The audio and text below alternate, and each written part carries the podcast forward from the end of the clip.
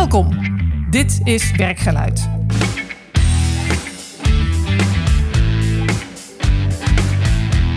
Mijn naam is Marjolein Veringa en ik ga iedere podcast in gesprek met leiders over belangrijke momenten in hun werk. Om er zelf van te leren en ik hoop jij ook.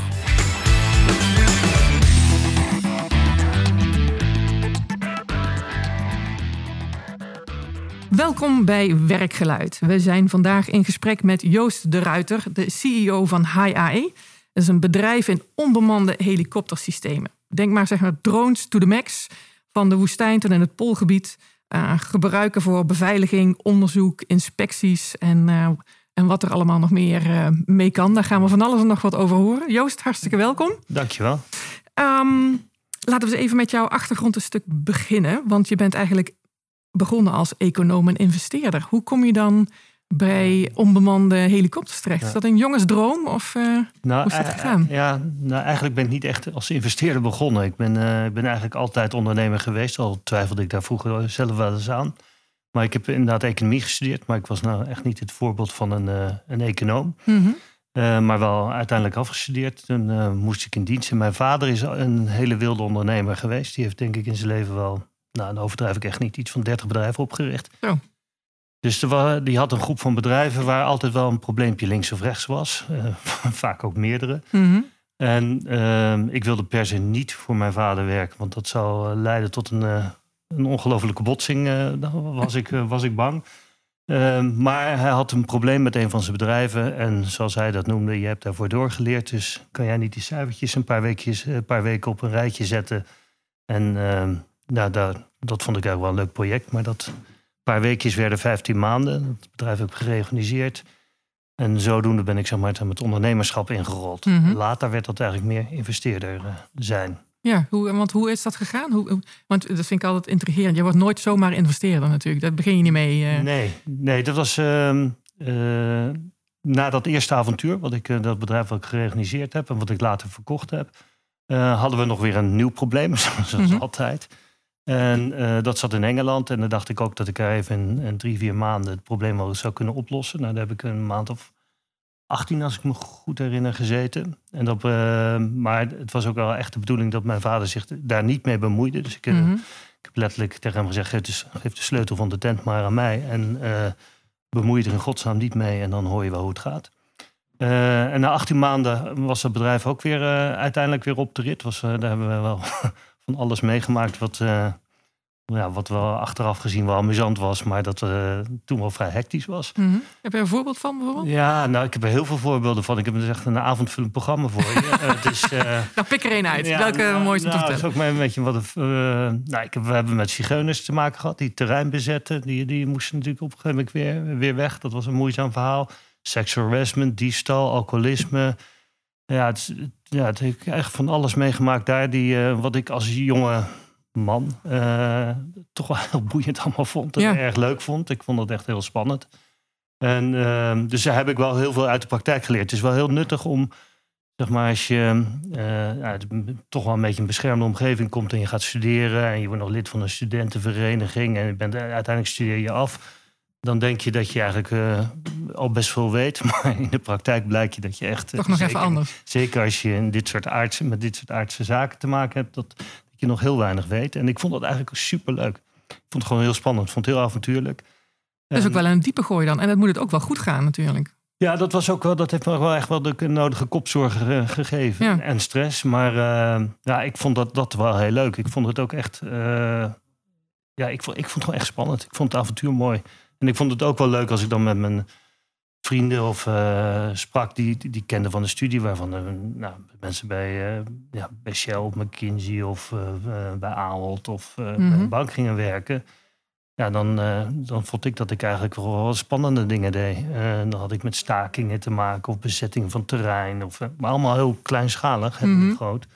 Maar ik vond dat eigenlijk wel uh, vond wat spannend. Eigenlijk een leukere baan, wou je zeggen. Ja, ik vond Ja. het veel leuker. Maar Ja. het past ook wat beter bij me. Het was ook gewoon... eh, als ik wat moest doen, was er eigenlijk altijd nood aan de man. Dus je hoefde niet echt heel gedetailleerd te zijn. Dus Mhm. het was met grote stappen snel thuis. Snel beslissingen nemen. eh meteen doorpakken. En ik, ik vond het razend interessant allemaal. Ja. Ik vond eigenlijk alle aspecten van dat zaken doen of ondernemen vond ik heel boeiend. Dus daar heb ik echt heel veel van geleerd. Wat zou je zeggen dat je het meest geleerd hebt van zo'n periode? Wat heb je het meest meegepikt, wat je nou misschien nog gebruikt? Ehm, dat is een goede vraag. Ehm, nou, ik denk dat je het eigenlijk belangrijkste is dat je gewoon naar de mensen op de vloer moet luisteren. Mhm. Dus gewoon echt luisteren. Dus uh, aan hun vragen van, joh, wat is het probleem? En vaak weten zij dat veel beter dan, uh, dan de top van het bedrijf. Mhm. bij ons waren het allemaal kleine ondernemingen ook. Dus je gaat gewoon naar de hoofdboekhouding. Ja, we hadden ook maar één boekhouder. Die dat is makkelijk, zeg maar dan. Ja. Ga je naar hem toe en zeg: joh, waar, uh, waar zit het gat? Ik zie alleen maar. Ik kijk, wij kijken nog steeds, ik kijk alleen maar naar cash. Dus ik zeg gewoon: ja, waar, waar verdwijnt het allemaal? En uh, met hem kom je snel en dan ga je naar de open, operationele man. Nou, nou, uh, ik werkte ook één dag, uh, dat was in een loods in Engeland. Ik werkte ook één dag zelf in de loods mee. En dan leer je ontzettend veel. Dan zie je Mhm. hoe, gevaar, hoe gevaarlijk het ook allemaal is. Als je moe bent en al twaalf uur hebt gewerkt en met voorkeftrucs op oneffen terreinen loopt te rijden en het is koud en glad. En dus je begrijpt die jongens ook veel beter. Dus Ja. als die ergens over klagen, dan, eh, of wat je denkt in eerste instantie, nou, wat is dat nou voor gezeur of geklaagd, dat dat vaak helemaal geen geklaag is. Ja. Dat Er zijn het tv-programma's van, hè, van bazen die dan op de werkvloer gaan. Maar dat Ja. heb jij altijd gedaan. Ja, ik heb dat. Ik, Ja. ik, maar ook omdat ik, het, omdat ik niks van het vak wist. Ja. Dus ik dacht, nou, de enige manier om er wat van te weten is gewoon met die jongens mee te doen. Dat is, op vrijdag was ik dus eh, ja, one of the guys. Mhm. En eh, ja, daar heb ik ongelooflijk veel van geleerd. En daar kreeg ik ook natuurlijk ik kreeg heel veel voor elkaar met die jongens. Ze zeiden, joh, dit is toch niet handig, want je bent er nu twee uur mee bezig. Maar als we het zo doen, kan dat misschien toch in een uurtje. Dan zeiden ze, ja, maar dan hebben we de juiste gereedschap niet voor. Of eh, de juiste tools niet. En dan zei ik, nou ja, Gaan we dat regelen? Volgende week heb je het. Ja. En dan ga ik gewoon nu regelen. Ja. Ik, eh, en dat, die dynamiek die vind ik heel leuk. Dus, Mhm. eh, en dat is bij kleinere ondernemingen is dat natuurlijk heel, allemaal heel direct. En dat is eigenlijk wat heel goed, eh, denk ik, bij me past. Dat vind ik, vind ik erg leuk. Mhm. Maar om terug te komen op Ja. je vraag. Ehm, na dat Engelse avontuur ehm, ging ik weer terug naar Nederland. Mhm. Eh, dat bedrijf in Engeland heb ik, uit- eh, heb ik uiteindelijk ook verkocht. Ehm, omdat ik dacht, ja, ik moet dan eh, de rest van mijn leven elke twee, drie weken wel weer terug naar Engeland. Om weer iedereen Mhm. nou ja, een beetje in het gelid te zetten. Want het, eh, ons spoorde daar nog wel eens. Maar dat, daar had ik geen zin in. En eh, ik vond het wel mooi. En daarom dacht ik van, nou ja, je kunt het beter verkopen. En, en toen, op dat moment ging mijn vader, wilde met, was ongeveer 65 geworden. Die dacht eh, aan pensioen. En toen, ehm, toen heb ik de rest van de familie uitgekocht en het van mijn vader overgenomen. En ehm, dat was nou ook niet echt een, eh, een simpel traject. Want wij eh, hebben daarna ongelooflijk gebotst met elkaar. Op zijn zachtst gezegd. Mhm. En dat het uiteindelijk mijn vader... Ik vond dat mijn vader zich nog met het bedrijf bemoeide. En hij vond mij een eigenwijze snotjongen, eh snotneus. Dus dat werkte niet helemaal. En hij liep er nog wel eens regelmatig rond. Dus dat, eh, dat, eh, dat werd een enorme on- ontploffing. En eh, uiteindelijk hebben wij eh, binnen de arbitrage gedaan... met een bevriende notaris... die dat Oh jee, echt helemaal. eh, overigens ongelooflijk goed heeft gedaan. Daar ben ik hem heel dankbaar voor. En uiteindelijk na jaren later zijn we wel weer in speaking terms gekomen. Gelukkig. Speaking terms is het allemaal wel goed gekomen. Maar het is lastig om zo'n eigenlijk ja, heel groot machtswisseling dus eigenlijk voor elkaar te krijgen. is Wat je bedoelt. Ja, en ik was heel jong. Ik was, eh, ik was denk ik 30 of 31. En Mhm. werkte, werkte alles bij elkaar. Een groep van bedrijven, 250 man. En mijn vader had het zelf, eh, is het zelf nou, die, die heeft het echt zelf opgebouwd. Ja. Die is met niets begonnen. Dus dat is, eh zij had groot, veel respect bij iedereen. Maar was ook zijn kindje natuurlijk. Wat Zijn- ja, ja, jij was ook een kindje, probleem. maar anders. Ja, ja, daar lag een beetje het probleem. Ja. En hij vond soms wel dat ik gelijk had, maar hij vond ook wel, ja, vaak ook niet. Mhm. En ja, dat botste enorm. Dus eh, ik vond het heel irritant dat hij zich er af en toe nog wel eh, mensen beïnvloedde, waarvan ik zei, nou, we gaan alles anders doen. En dan kon mijn vader rustig noemen, eh, er dwars doorheen gaan, terwijl ik er niet, vaak niet bij was. Van, nee, nee, die snotjongen hoef je niet te luisteren, want dat is natuurlijk allemaal onzin, allemaal van die moderne toestanden. Met eh, managementteams en rapporteren en allemaal onzin Ja. natuurlijk. Dus dat botste.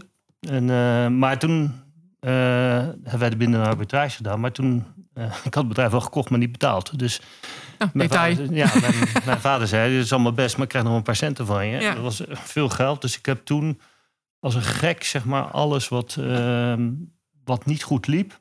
En we hadden, dat was best wat, eh, opgelost. Dus ik moest zo snel mogelijk gewoon overal waar geld uitliep, gewoon de kraan dichtdraaien of oplossen. En zo snel mogelijk mijn vader betalen. Want omdat ik, eh, dat wilde ik per se. Want dan was ik pas, had ik pas het gevoel dat ik een vrije ondernemer was. Mhm. Een vrij man was. En dat heb ik de eerste jaren ook heel veel gedaan. Dus we hadden bijvoorbeeld twee bedrijven in Houston, die heb ik gesloten. We hadden een bedrijf in Burma. Uh, we hadden een zeer verliesgevend uh, bedrijf, een softwarebedrijf. Het was toen nog de internethype, dus verlies mm maken was hip toen. misschien net zoals nu een beetje. Dat heb ik toen verkocht. Ik heb die andere bedrijven gesloten. Ik heb andere bedrijven gereorganiseerd. En dat vond ik dus allemaal ontzettend leuk om te doen. Mhm. En uiteindelijk mijn vader natuurlijk betaald. Ja, dat snap ik. Maar dat is best nog wel uh, grote stappen, zeg maar. Ik zeg, dat doe ik dan even. Maar dat, ik denk heel veel mensen daar jaloers op zijn om dat even te doen. Ja, het was ook niet even. Dat heeft me echt, uh, ja, dat heeft me, heb ik al een paar jaar moeten doen. Maar de druk was enorm. Want ik moest natuurlijk snel die oude betalen. Ja. Want anders uh, was ik niet van hem af. Dus het was een emotionele druk bij mij. En, ik soort dubbele drive. En niet alleen om je heel je bedrijvenpark, zal ik maar zeggen, financieel gezond te krijgen. Maar dit erachter.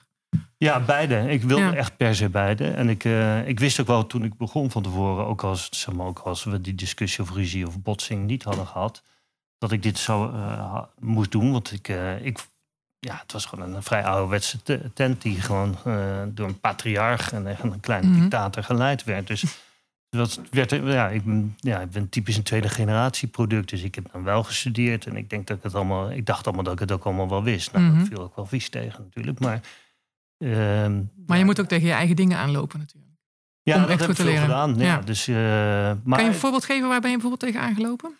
Nou, het werkt enorm handig of goed. Of, uh, die, het geeft de juiste druk als het je eigen geld is. Dus uh, als er een probleem is en we zaten soms met zes man of acht man. nou, daar waren, ik had ook allerlei directeuren op dochterondernemingen zitten.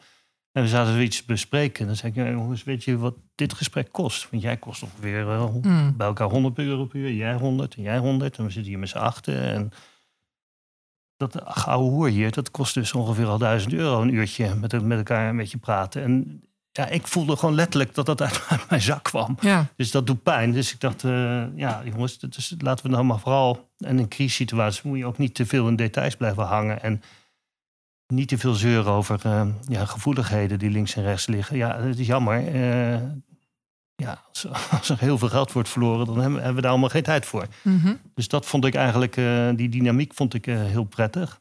Dus dat, en ik moest enorm wennen natuurlijk. Dat ik, ja, ik was natuurlijk heel jong en ik wist niks van. van ik kan, er waren iets van tien of acht verschillende ondernemingen met verschillende net andere vakgebieden. En ik wist van geen enkel vakgebied iets.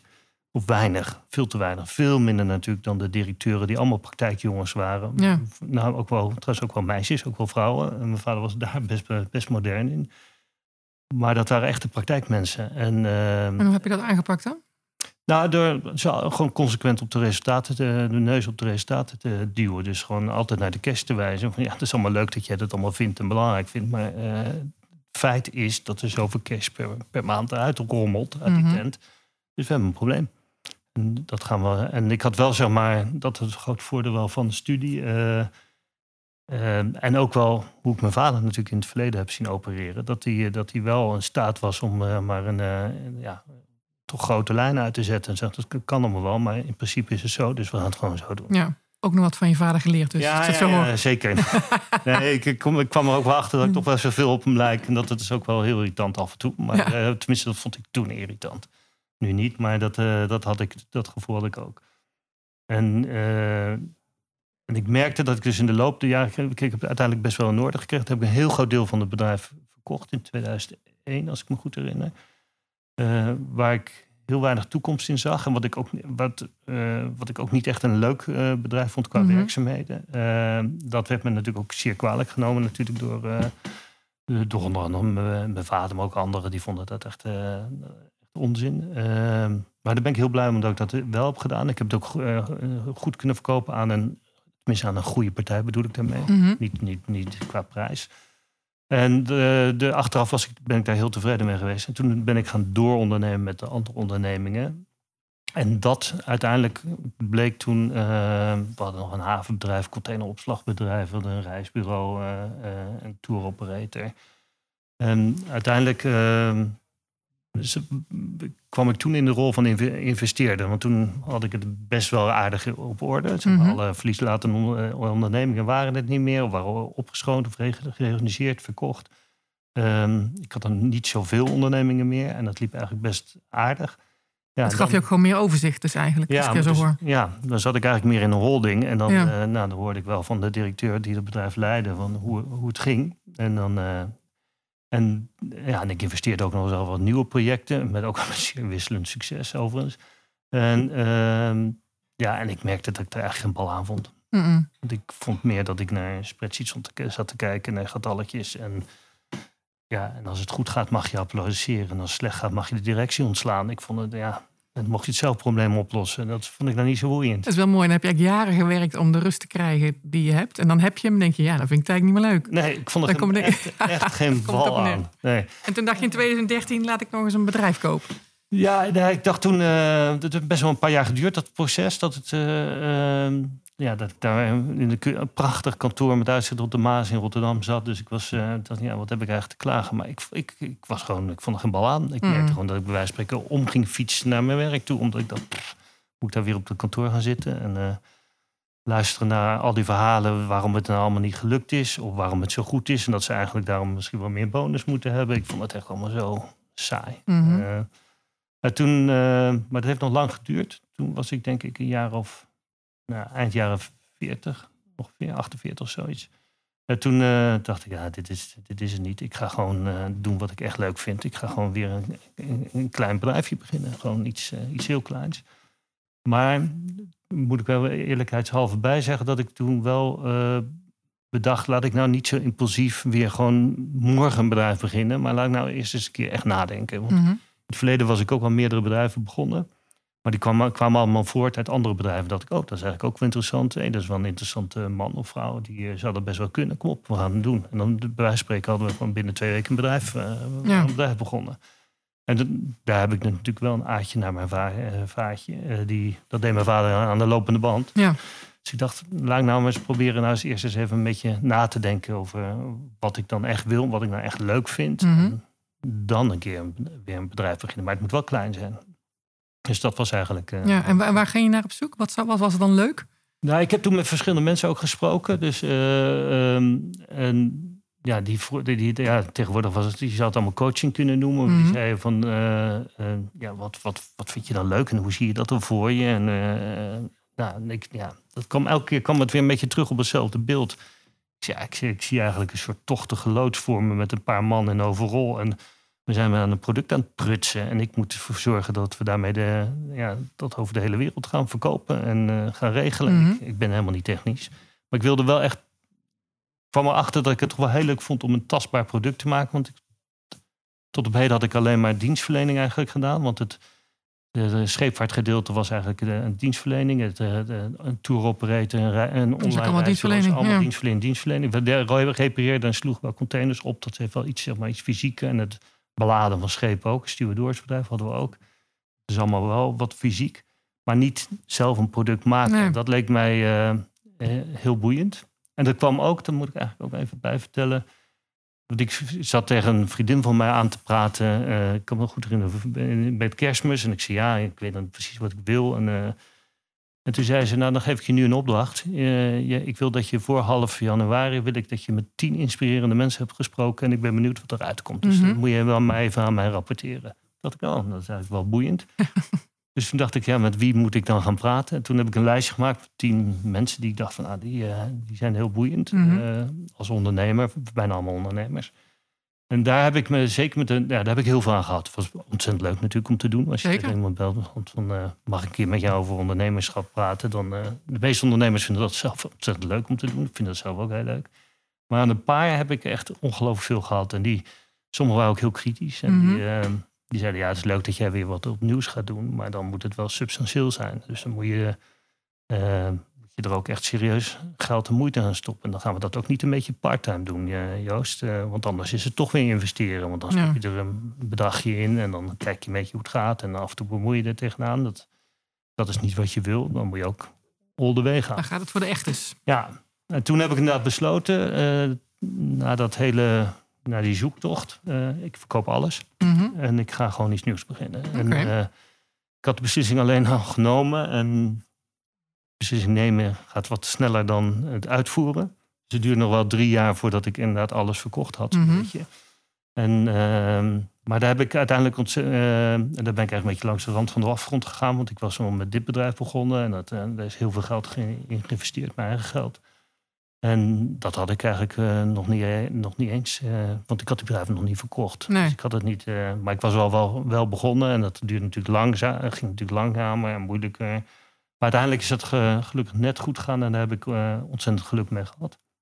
Want ik had twee reisbureaubedrijven en die heb ik verkocht ehm, ja, een paar jaar voordat de corona losbarstte. En toen waren ze nog natuurlijk ja, heel goed. Nu, ja, Nu, nu is dat een ander verhaal. Dus daar heb ik echt, echt mazzel mee gehad. En daardoor heb ik dit uh, gelukkig allemaal kunnen financieren. Ja, mooi.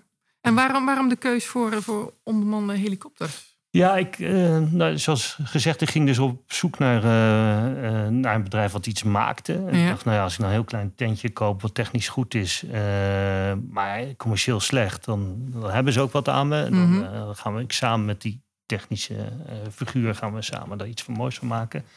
En ja, toen ben ik gewoon op zoek gegaan naar dat soort bedrijven. En ik ben Mhm. makkelijk enthousiast te krijgen. Maar als het dan maar één dag duurde, dan dacht ik van nou nee, dit is, dan dit toch, is niet. toch niet. Maar Het moet echt serieus ja, enthousiast zijn. Ja, serieus En- enthousiast. En ik heb toen uh, verschillende bedrijven bekeken. En, uh, maar toen ik dit bedrijf had, uh, tegenkwam, en, ja, ik kon eens een beetje drie dagen niet slapen van opwinding. Dus dacht ik, ja. En waar zat hem dan in? Wat vond je zo mooi Ik vond het gewoon, ik wilde per se internationaal, dat het Mhm. interna- internationaal was. Want dat vond ik een leuk deel aan de scheepvaart. Dat je Ja. gewoon met de hele wereld zit te bellen en te mailen. Dat vind ik echt heel leuk. Ehm, ja, het is, ik dacht, ik moet het mezelf ook niet te moeilijk maken. Het moet wel een groeimarkt zijn. Mhm. Dus dat, eh, dat leek mij interessant. Eh, en ik vond dit gewoon, eh, ja, dat, dat, toen ik het zag, dan met zo'n met brandstofgedreven drones. Dus ik zag die brandstofmotoren en ik dacht, ja, toch eh, Toch die jongensdroom, denk ik dan Ja. daarin. Eh, Het is Terwijl toch mooi speelgoed. Is het Ja, toch het heel, is- heel mooi speelgoed. Ja, en heel tastbaar allemaal. Ja. Het gaat kapot, het trilt uit elkaar, het stinkt. Eh, ik vond het allemaal Mhm. fantastisch. Ja. Dat was die, die, ja, die tochtige loods die ik voor me voor ogen had. Met, met, met mannen in een, een overall en een, eh, ergens een soort portecabin in de, in, in de hoek met een slecht koffieapparaat. Hoewel we hier toch heel eh, comfortabel zitten met goede koffie. Ik ben toch wel een verwende jongen natuurlijk. Het was meer een romantisch idee, denk ik. Ja, ik snap het. Ja, nee, dat, eh, ik denk dat het daardoor eh, dat ik, ja, ja die, ik was zo, ja, ik was zo enthousiast, ik was niet te stuiten, dus ik wilde het gewoon per se. Ja. Nou ja, dat ging natuurlijk gelijk goed. Want zo gaat dat met als je een bedrijf Ja, koopt. Zo gaat het ja. altijd. Ja. Ja. Ja. ondernemen gaat altijd in één keer goed. Ja, dat is is bij mij altijd zo gegaan. Nee, nee, nee, het ging natuurlijk helemaal niet goed. Nee, ik, ik, eh, ik kocht 55% van de aandelen. Ja. En eh, met de oprichter, wat een, eh, zeker een hele handige man was. Dus een, een type uitvinder. En ik, wij botsten binnen drie maanden echt volledig. Dan lijkt het een beetje alsof dat een soort repenterend iets is dat ik met die bots. Ik, ik had wel waarom, waarom bots je hier? ja, dit was wat anders dan de vorige keer. Ehm, ja, hij, hij is een handige man, maar hij legde niks vast. Dus, ehm, dus als, er, als hij bij wijze van spreken een helikopter in elkaar zette... dan uh, zei hij, nou doe er nog maar eentje, maar precies hetzelfde. En dan komt er een totaal ander product uit. Omdat Mhm. hij niks, niks vastlegde. Dus ook niet in, in, niet in, eh, in, in, ja, in CAD-files of in... eh, maar gewoon überhaupt niks vastlegde. En bovendien, ze deden het niet goed. Dus de, de promise die er was van nou, met dit apparaat gaan we de wereld veroveren, want dit is eh, briljant. Nou, dat was alles behalve briljant. Want hij viel na 20 minuten altijd uit de lucht. Dus dat was nou niet echt een basis om de wereld te gaan veroveren. En, ehm, ja, en als wij daar discussies over hadden, dan, ja, dan merkten we toch dat we een totaal andere golflengte zaten. Dus we, al vrij rap namen wij eh, afscheid van elkaar, zoals dat zo mooi heette. En ik heb hem de rest van de aandelen van hem, uitgekocht, van hem gekocht. En eh, nou, hij is vertrokken. Eh, en toen zijn we eigenlijk totaal opnieuw begonnen. We hebben toen eigenlijk heel snel... eh, ja, dat is ook niet wat. Wat heb je dan eigenlijk gekocht als je op totaal opnieuw begint? ja, dat was ook een, Ja, een idee, eigenlijk, Ja. als ik heel eerlijk ben. En een naam, maar die naam was slecht, want we hadden echt geen goede reputatie. Dus ik dacht, maar wel een naam, mhm. in een klein wereldje misschien. Maar ik dacht, nou ja, eh, ja achteraf gezien had ik beter zeg maar, het precies hetzelfde kunnen doen, met, eh, met, eh, zonder iets over te nemen. Maar achteraf gaan deze dingen gaan altijd zo. Dus je begint, je Misschien moet begint deze weg gewoon dan wat ja, zijn. je begint ergens en, dan, eh, en je eindigt to- totaal ergens anders. Ja. Totaal langzamer, anders, duurder, moeilijker dan je ooit hebt verwacht. Maar goed, en als je dat allemaal aan het begin had gewe- geweten, had je het misschien allemaal niet gedaan. Maar Ja, dan had je ook gewoon aandelen Google kunnen kopen en gewoon niks kunnen doen. Ja, Eh, maar dat vond je niet leuk, want dat Nee, had je al gedaan. aan. Nee. Nee. nee, beleggen is nog erger dan investeren. Dat is helemaal saai. Kijk aan, die nemen we mee. Ja, nee, dat vind ik helemaal niks. Dus ja, dat hoort er, wel, hoort er natuurlijk gewoon bij. Eh, dus toen, eh, toen hebben we letterlijk alle oude modellen gewoon, zoals wij dat zeggen, in de kliko gegooid. We Mhm. hebben gewoon alles weggegooid. En toen zijn we gaan gewoon opnieuw beginnen. Dus toen met de, met de technische man hebben we gewoon een A4'tje gepakt. Zei, nou, moet je voorstellen, ik, eh, eh, het, het- het was wel grappig hoor, want ik zei een beetje, nou, een beetje als grap, maar ik, ik meen het eigenlijk wel serieus. Eh, ik zei, ja, we beginnen nu gewoon met een leeg vel en over een aantal jaren, het duurde wat langer dan we dachten natuurlijk, en we zijn nog niet eens, gaan straks onze helikopters op alle continenten in de wereld vliegen. Mm. Dus dat gaan we doen. En nou, waar moet hij dan aan voldoen en waar moet hij niet aan voldoen? Ik zei, nou, dit zijn eigenlijk de specs waar hij ongeveer aan moet voldoen. En nou, succes. en ik wens mezelf ook succes. Nee, maar dat, zo zijn we echt begonnen. Ja. Zijn van, ja, we, eh, Altijd leuk. Gelijk world domination als, eh, als nou, doel. eh, nou, ik niet hou ervan. Maar dat hij echt op elk continent vloog. Dat, Ja, ja. Al was er maar één, dat leek mij echt eh, eh, de ultieme kick. Dat je En gewoon, dat betekent eh, dus en in de woestijn en in de pool en in. Dus dan, dan, dan moet hij het ook. overal. Ja, Overal echt moet hij het overal kunnen doen. Ja. En het idee dat gewoon dat iets uit het brein van, nou ja, van onze technische mensen, dat komt echt niet uit mijn brein natuurlijk, maar het brein van die jongens Mhm. Eh, komt, dat dat uiteindelijk op alle continenten zo'n ding zou vliegen, dat leek mij echt eh, een geweldig idee. Eh, nou, niet geweldig idee, een geweldige prestatie. Als dat ons zou lukken, dat was het doel. En ze hebben hier letterlijk een wit A4'tje, maar dat gaan we doen. En ehm, En vliegt er inmiddels al op ieder continent? ja, we zijn wel ongeveer overal geweest. Maar dat, is, dat ga ik zo nog even vertellen. Maar dat is ook een beetje een lang verhaal. Ehm, maar we, de, ehm, we zagen, om even de, iets van de markt te vertellen. Mhm. We zagen dat het elektrische drones, dat, nou, het spul wat iedereen kent. Dat heeft allemaal een hele beperkte vliegduur. En als je echt verticaal wil opstijgen en landen. Dus dat is zonder vleugels. Tegenwoordig kan het ook met vleugels. En je wil ook nog wel langer hoeveren. Dus op dezelfde Mhm. positie op de eh, langere tijd blijven. Dan in dat marktsegment heb je dus het elektrische spul en hele grote onbemande helikopters. En bemande helikopters, Mhm. maar ook hele grote onbemande helikopters. Maar die zijn 200, 300 kilo. En we zagen vanaf begin af aan, toen we met dat witte velletje papier zaten, hij zei daartussenin zit nog geen handvol spelers. En ze zijn helemaal niet zo goed die er zitten. Dat zijn nou net zulke rommelaars als wij zijn. Mhm. Dus eh, daar zit een, volgens mij een hele grote markt. En we moeten ons daar concentreren, want wij kunnen natuurlijk nooit op tegen al die elektrische jongens zoals DJI, wat een geweldig eh, product is. Chinees product, wat nou 70% van de markt in handen heeft, Mhm. dat segment. Daar kunnen we nooit mee concurreren. En met die grote jongens, dat is allemaal heel mooi speel. Maar het is loodzwaar, het is stinkend duur en, eh, en heel onhandelbaar. Dus daartussenin is echt een markt. Als wij iets kleiner kunnen maken, wat veel lichter is en wat tegen de prestaties aanschuurt van de grote boys, dan hebben we volgens mij iets heel Mhm. moois in handen. Dus dat moeten we proberen te doen. En wat, wat kunnen jullie dan even voor luisteraars die denken van ja, wat, wat heb ik dan aan dat middensegment? Wat, Ja, eh, dat wat middensegment, maar, het elektrische spul kan zo'n beetje 40 minuten vliegen. Mhm. Eh, als we het over verticaal landen en opstijgen praten en, eh, en hoeveren, dus dat noemen wij Mhm. VTOLs. En wij kunnen drie tot vijf uur vliegen. En we kunnen eh vijf kilo payload meenemen. Wel eigenlijk iets meer, zeven kilo zelfs. Ehm, en, de- en die grote jongens, die kunnen vaak nou, zes uur plus vliegen. Kunnen wel veel meer payload meenemen. Zwaardere camera's Mhm. en sensoren meenemen. Maar zijn ook ontzettend veel duurder en zijn 200, 300 kilo. Dus aan boord van een schip. Ja, dat scheelt dat nogal. Is, Ja. is een- ja, bij ons pak je hem op, zet je hem binnen op tafel en je gaat hem eh, je gaat onderhoud doen. Dat Ja. is met, het, met de 200, 300 kilo op, aan boord van een schip heb je een kraantje nodig. eh gebruiken meer brandstof, zijn veel duurder in de operatie. Dus dat zijn een beetje onhandelbare dingen. En, ehm, en we zien dat die, eh die camerasystemen, de sensoren die onder de, de drones hangen, die worden ook met het jaar lichter eh, en beter. Dus wij zagen wel, ja, dus het gaat allemaal steeds meer onze Ja. kant op. Dus je hoeft niet zo ontzettend zwaar Dus het is wel handelbaar, maar wel echt serieus gebruiken. Dat je het echt Ja. vier uur serieus eh Ja, vier uur vliegen is echt heel serieus. Dat Ja. is echt eh, drie uur, te- alles eigenlijk boven de twee uur is echt, eh, dat is echt serieus. Ja, ja. In onze ogen. Ja, Dan, snap eh, ik. ja. En het moet ook tegen eh, zware condities zoals, zoals op zee. Nou, op zee, op een duin en schip landen en opstijgen. Nou, dan moet je niet een soort, soort, soort mug hebben. Dan, dan word je weggeblazen. Je moet natuurlijk niet... Ook Daar heeft je ook body voor nodig. Ja, body Ja. voor nodig. Maar je moet ook tegen... Ja, er zijn allerlei stralingen aan boord van een schip. Van de, van de radar, maar ook eh, enorme magnetische oppervlaktes. daar moet hij tegen kunnen. Nou, dan heb je al bepaalde connectoren en kabels nodig. Dat is allemaal zwaar, eh, Mhm. zwaar eh, spul. Het moet tegen zout, tegen water kunnen. Het moet, dus, eh, het moet tegen stof kunnen. Eh, dus dat, dat ja, vanzelf- kou, hitte, alles. alles. Ja. En, dat, eh, en al het hobbymatige werk, weet je ook, want je vindt ook wel wat wij RC-helikopters noemen, ra- radio-controlled helikopters. Dat is meer voor de hobbyisten. Dus die Mhm. kunnen 20 minuten vliegen, ook met een brandstofmotor. Ja, die apparaten kun je echt niet op een schip zetten. Nee. Die zijn allemaal ontworpen en gebouwd om maar 20 minuutjes leuk mee te stuntvliegen. Maar wel ook met brandstofmotor, maar niet om vier uur lang echt op je donder te krijgen als, als, als apparaat. Ja, En dat. Oké, dat, is echt wel een ander eh, ding. Ja. ja.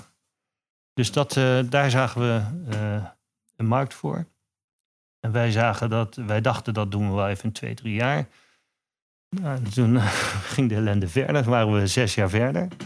Ehm, en toen hadden we een goed product. We verkochten er een stuk of, ik denk negen. Eh, eentje echt letterlijk in de Poolcirkel afgeleverd. Oh. Heel, heel mooi. Echt met vliegen naar Canada. Dan nog een vlucht binnendoor. eh, Op een, eh, op een grote slee. de kist met de, met de heli erin. ja, met de sneeuw, sneeuw, sneeuwscooter ervoor. Helemaal in the middle of nowhere. Daar vliegen. Eh, maar ook in de woestijn bij, eh, bij Abu Dhabi, bij de grens van Oman. eh was ook nog wel even tricky. Eh, ja, en overal op allerlei plekken gevlogen, ook geleverd. Mhm. En toen kwamen we erachter, tot onze, tot onze spijt, dat ja, toch een issue in de motor zat. wat wij niet hadden, dat we niet hadden gezien al de, de laatste anderhalf jaar. Maar wel wel een probleem was. En als je een mo- motorprobleem met je helikopter hebt, dan ding, ja. heb je echt een serieus probleem.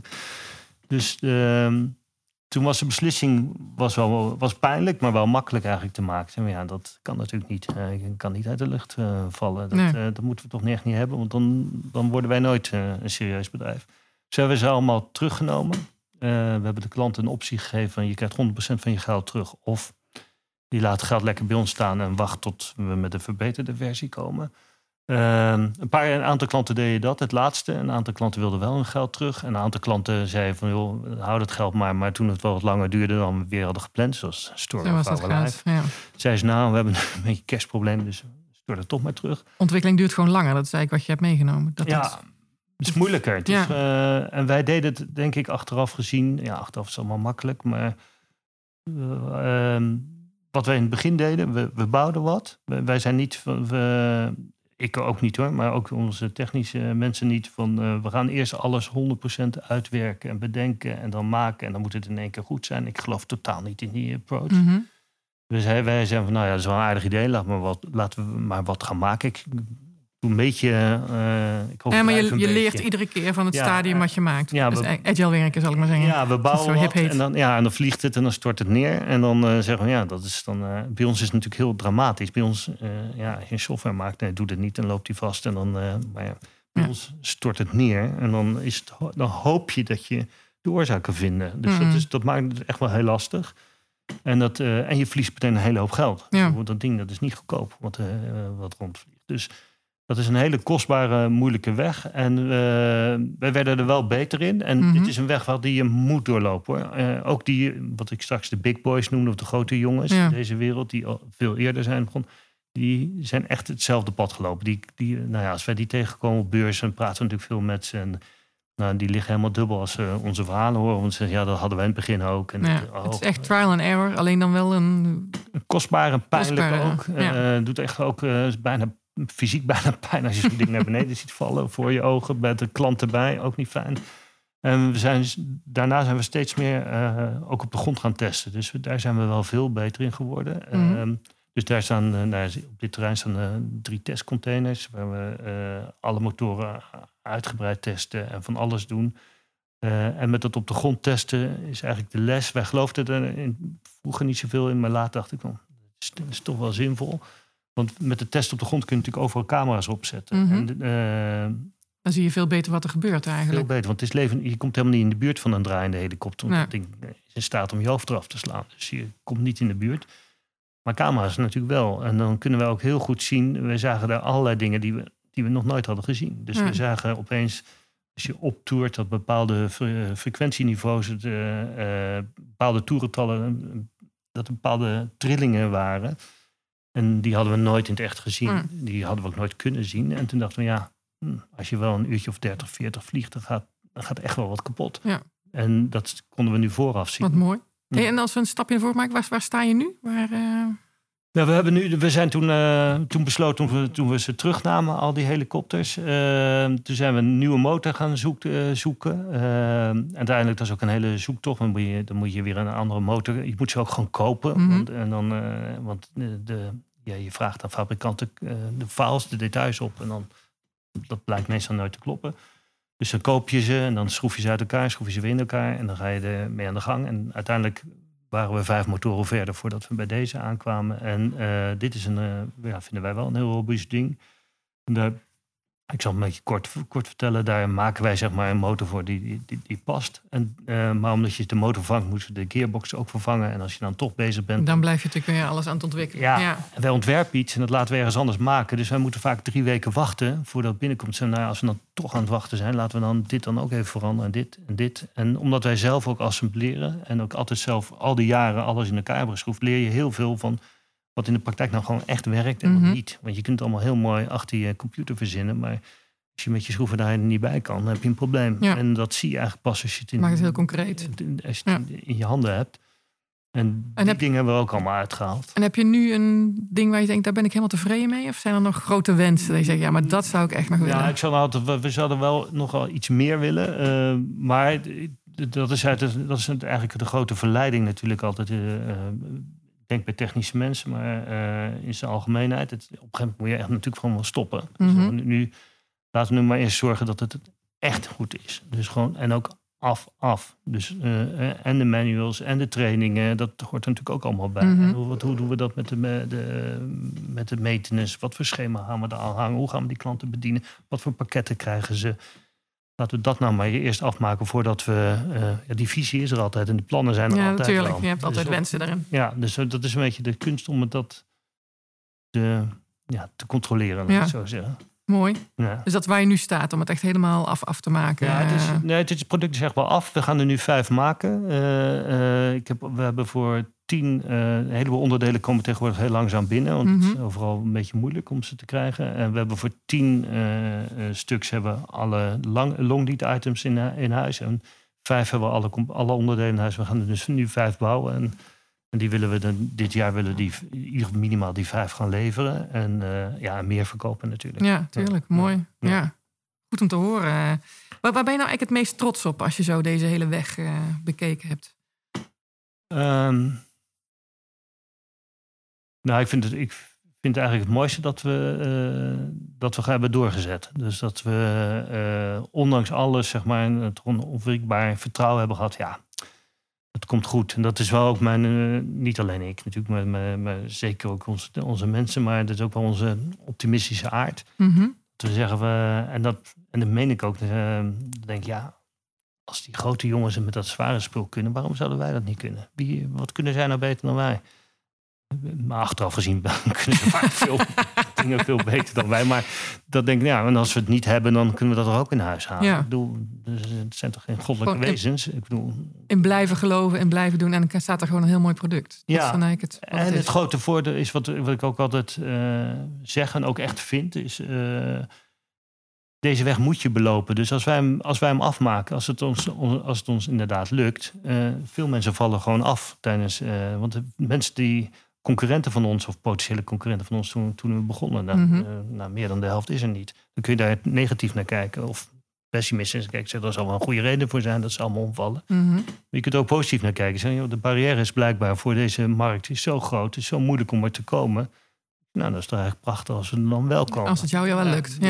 Ja. Dus dat is... eh, je moet door deze ellende heen om, eh, om, om er te komen. Ja. En, eh, ja. Om er heel veel van te leren ook, als ik het zo hoor in heel je verhaal. ja, en dat blijft gewoon. Dat blijft eeuwig. Ja, tuurlijk. is nooit Ja. af. Kan altijd beter. Ja. En, eh, en dat is eigenlijk ook het leuke eraan. Blijf doorontwikkelen. Je Ja, steeds, ja meer dat is kunnen. het leukste, denk Ja, ik. ja. In ieder geval, voor, nou, ik vind het zelf leuk, maar vooral eigenlijk voor de, onze technische mensen. Mhm.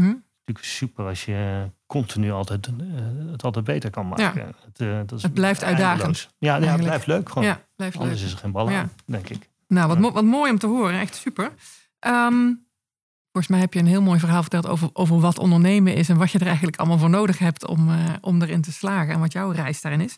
Heb jij um, een tip, zeg maar, als een van de laatste dingen voor andere ondernemers of mensen die een bedrijf zouden willen starten en dit zo eens horen? Wat zouden die uh, goed kunnen doen? Um, er zijn een paar dingen waar die, die, die ik echt vind. Is, uh, ja, je kan niet vroeg genoeg beginnen gewoon. Mhm. ik vind een beetje tegenwoordig uh, veel start-ups. Het, ja, het klinkt een beetje als een oude, zeurderige man. Maar ik vind het wel heel erg makkelijk hebben, omdat ze met geld van anderen spelen. Dus Mhm. het geld ophalen is nog nooit zo makkelijk geweest. Dus er wordt veel geld opgehaald en er wordt veel geëxperimenteerd. Maar en ik, ik heb wel de indruk dat heel wat van die mensen die nu ondernemend in, in, ja, in deze hoedanigheid zijn, uh, dan vraag ik me af of ze echt ondernemers zijn. Omdat uh, het wordt natuurlijk pas moeilijk als het je eigen geld is. En Ja. als het uh, je eigen risico is. Dus twee, vanuit de universiteit of vanuit je opleiding, twee jaar pielen met andermans geld. En dat is niet gelukt. En je gaat dan en je zegt: ik heb het, we hebben het product verkocht. En, en je gaat gewoon een baan nemen. Mhm. Dat vind ik, uh, ik vind het heel mooi dat het kan. Maar ik, ik vind dat niet echt, echt heel erg ondernemend eigenlijk. Dan, uh, ik vind ondernemen veel meer dat je inderdaad uh,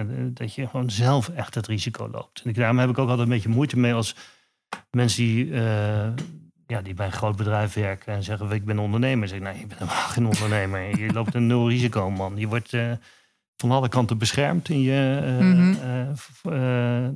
Wat betreft je baan. Uh, het is allemaal, allemaal overgeregeld. Je bent pas ondernemer. Hè? En daarom heb ik eigenlijk. Uh, daarom vind ik ook want ik, dat er een beetje weinig respect is voor de kleinere ondernemers. Ik bedoel, als je kruidenier bent of een kaashandel hebt. Dan ben je echt ondernemer. Die man gaat keihard failliet. Persoonlijk ja. ook, als het mislukt. Ja. En dat, dat vind ik een beetje bij het, het nieuwe ondernemerschap. Het een beetje dat hippere ondernemerschap, om het zo te doen. Met, met, met bootcamps en met allemaal... Uh, iedereen wordt allemaal gecoacht. En dan komt al, alles wordt beschikbaar gesteld vanwege en ook overheidssubsidies en dergelijke. En denk ja, ik vind het een beetje verwennerij. Ja. En denk van, ja, Wat zou je tip zijn voor deze mensen dan? nou, stop je eigen spaarcenten er eens in. Ja, ja. Ga eens langs je, ga langs je oma en uh, leen eens geld van haar... in plaats van dat je dat van een investeerder krijgt. Of, doe, uh, of um, nou, in ieder geval loop eens, loop eens bewust risico. Tenminste, het, het, hoeft niet. Het is natuurlijk ook heel mooi dat het allemaal kan. Mhm. Mm -hmm. Alleen, ik heb een beetje die, de indruk dat veel van dit soort ondernemers dromen natuurlijk ook van heel groot worden. Maar ze, ze, vergeten dat tegen de tijd dat ze groot zijn... dat ze nog maar 1% van de aandelen hebben. Want dat verwatert 16 keer. Want, uh, de rest is allemaal verkocht stiekem. Ja, de, ja, investeerders, nee, de investeerders zijn die achterlijk. Je verwatert ja. natuurlijk bij elke ronde. En die praten graag met je mee van... ja, leuk dat je het gaat doen. En mooi dat je maar 100.000 euro nodig hebt. Nou, het is misschien wel van 2 miljoen, maar goed. Mm Mhm. -hmm. Dat weten ze ook best wel. Maar...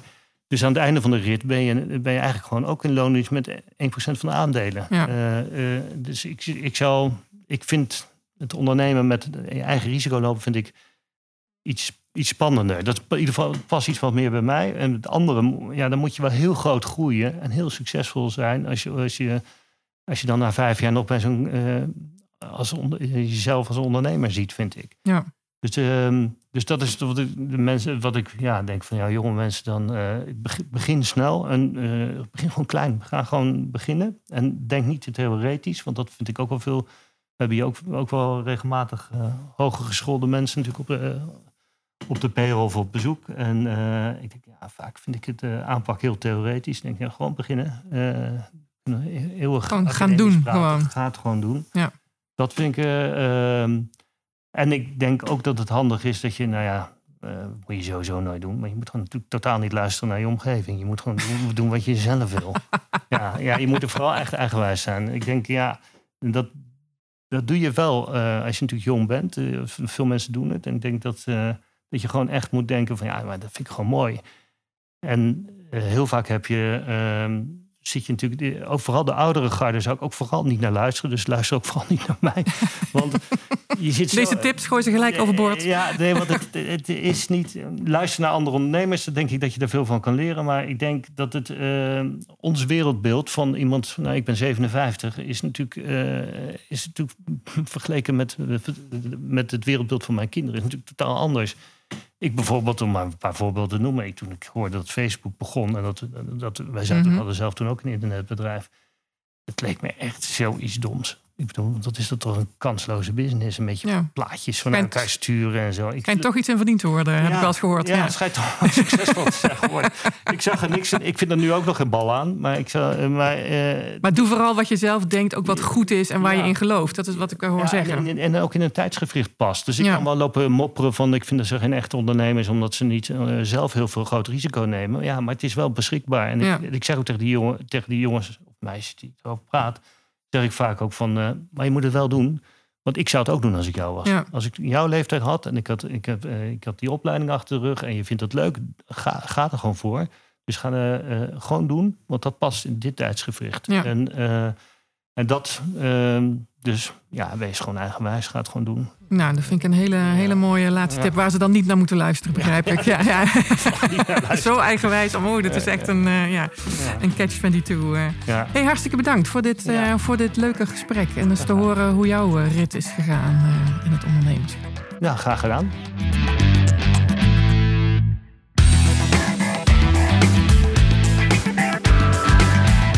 Mocht je meer interesse hebben in leiderschap en effectief werken, ga dan naar de website www.marjolijnveringa.nl. Tot de volgende podcast.